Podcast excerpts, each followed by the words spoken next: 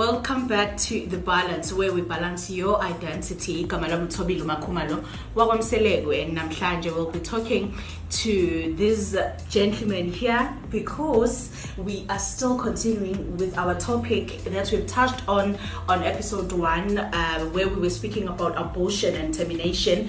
We know that we had um, Undando or obvious educator from the medical point of view and namhlanje we have Amakhehle azothinta kakhulu on spiritual point of view and angihambi ngedwa. Yimi lo like as far as uh, we're the weekend breakfast show and uh, Hayi yabona yabona yabona makhumali vele yangivusela umoya le ndaba siyixoxa last time you know because Yeah. i- i- ihambisana nosizi. Usizi osuke li- lenzeka enganeni leya esuke ishawe ngale ndlela Yeah. so kodwa ke ngitheke eh ake samukela amakhehla sibonelo sibiya eh nobongani la. Makhehla siyabonga kakhulu imele khona la with the balance. Thank you so much.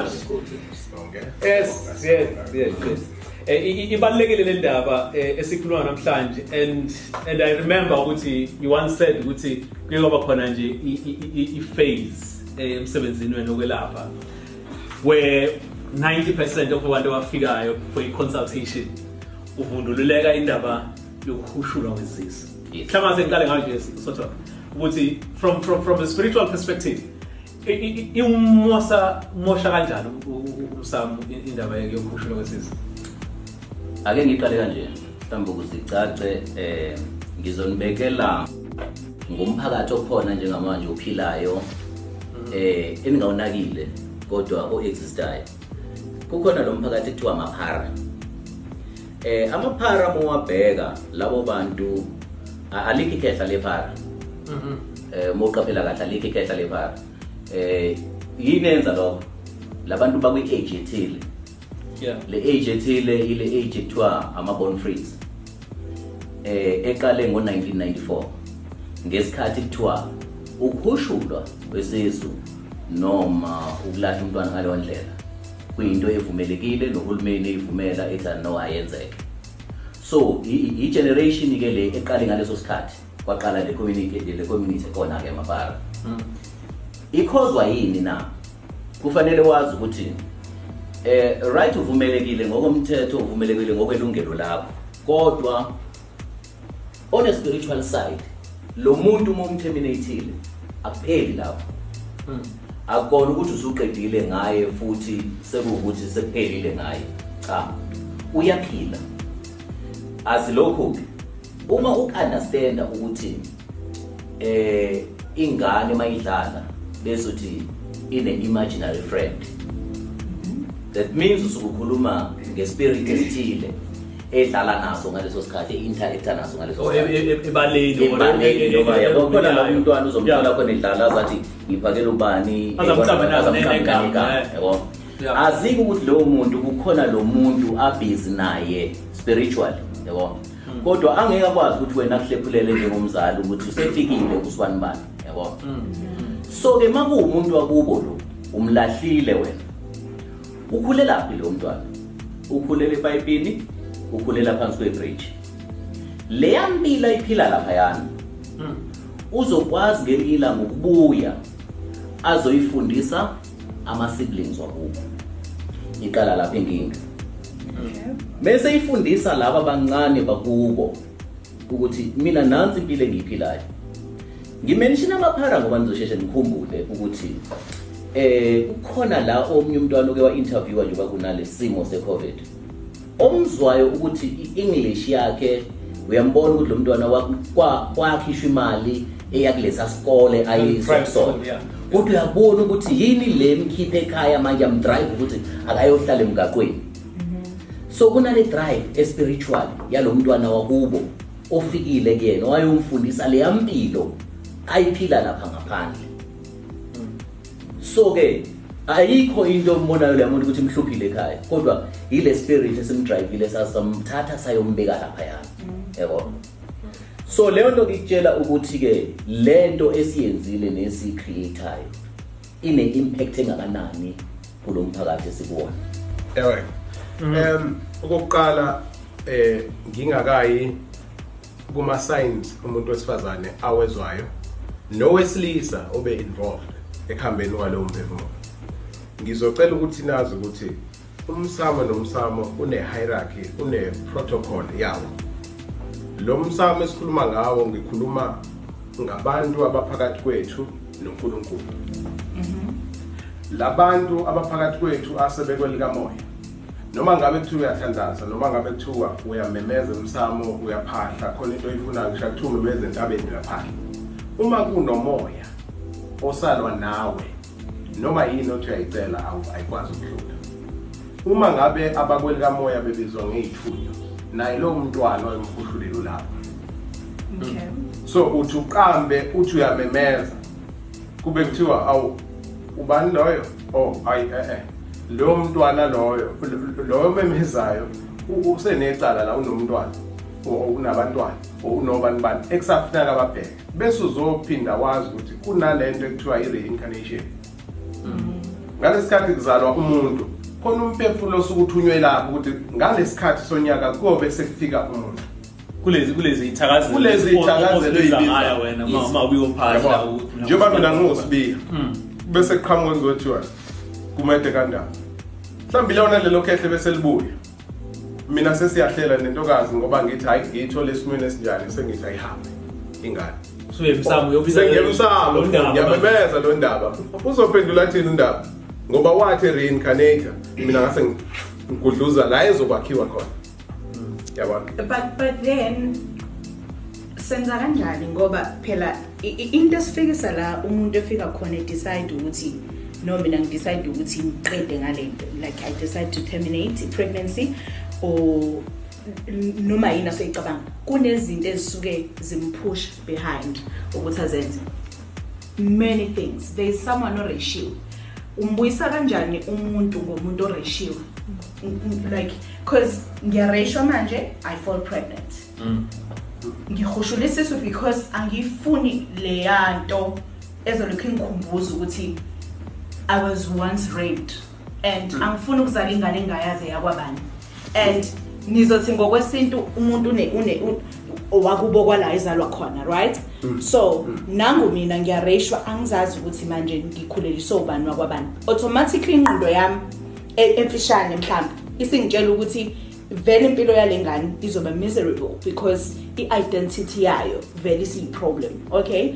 Ngiyasiterminate-ke isisu ngenxa yaleyo nto lo muntu lo befuna ukuzibuyisa or labantu abangiblamayo bangiblama kanjani be-alawile i-situation whereby because mina i feel like someone allowed it amadlozi ami makuthi akhona like you are saying bekufanele angipr- angiprotect. Unkulunkulu bekufanele angiprotect.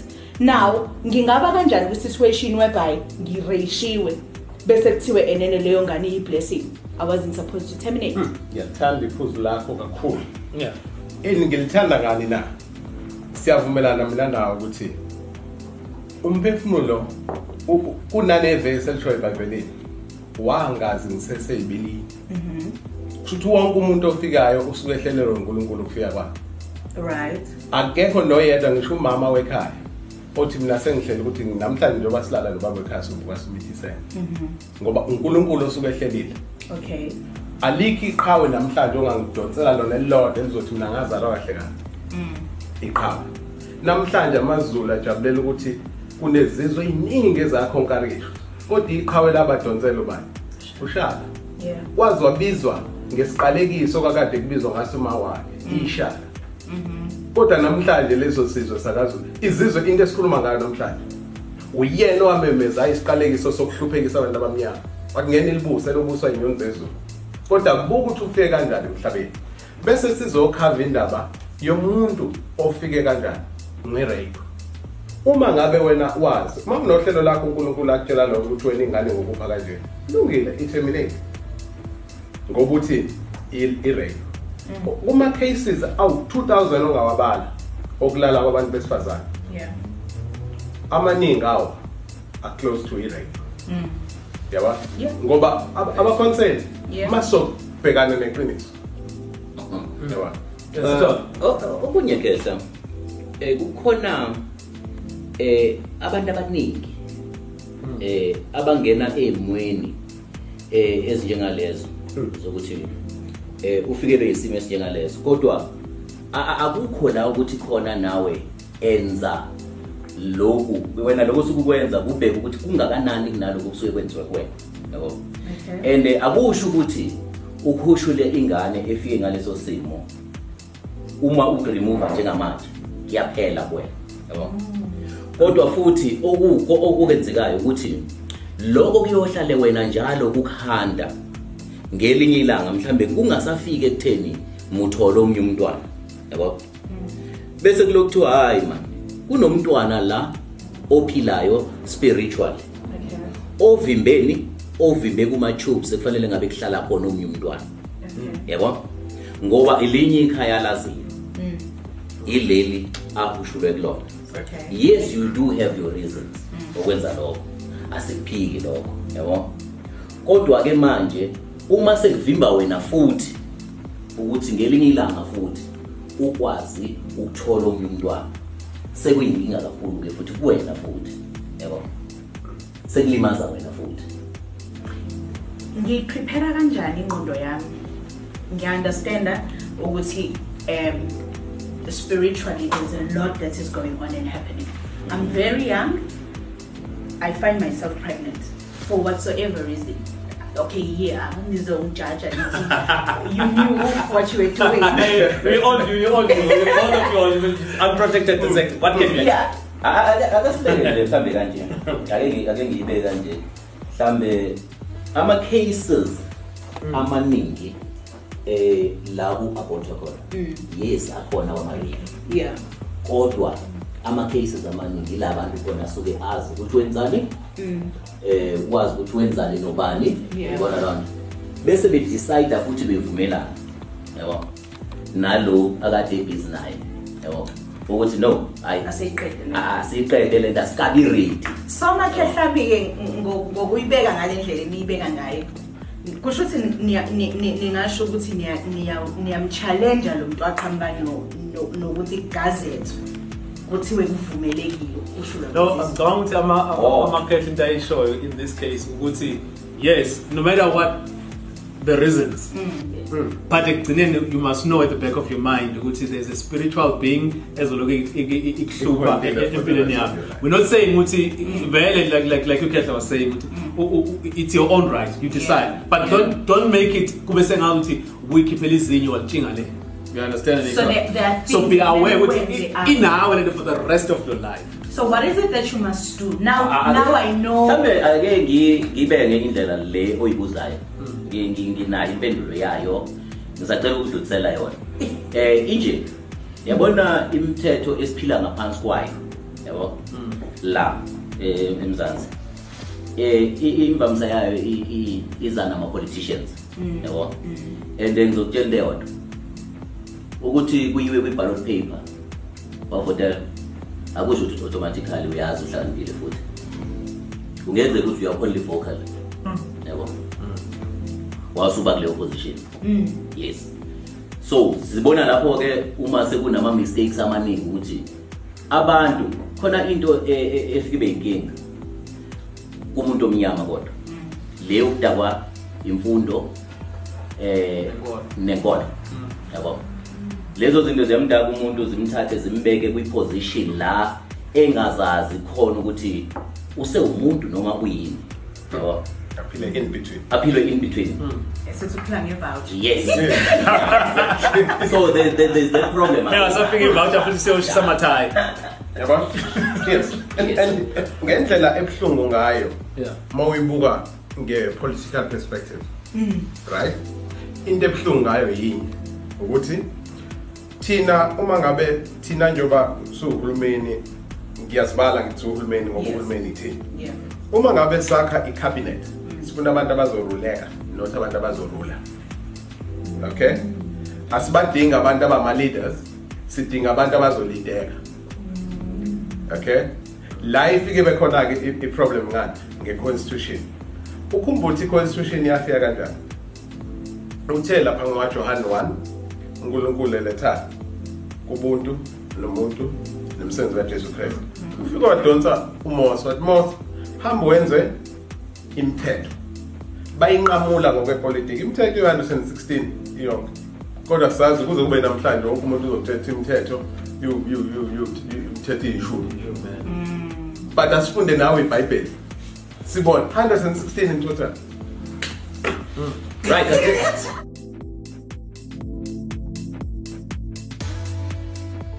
The, balance. Balancing your your identity.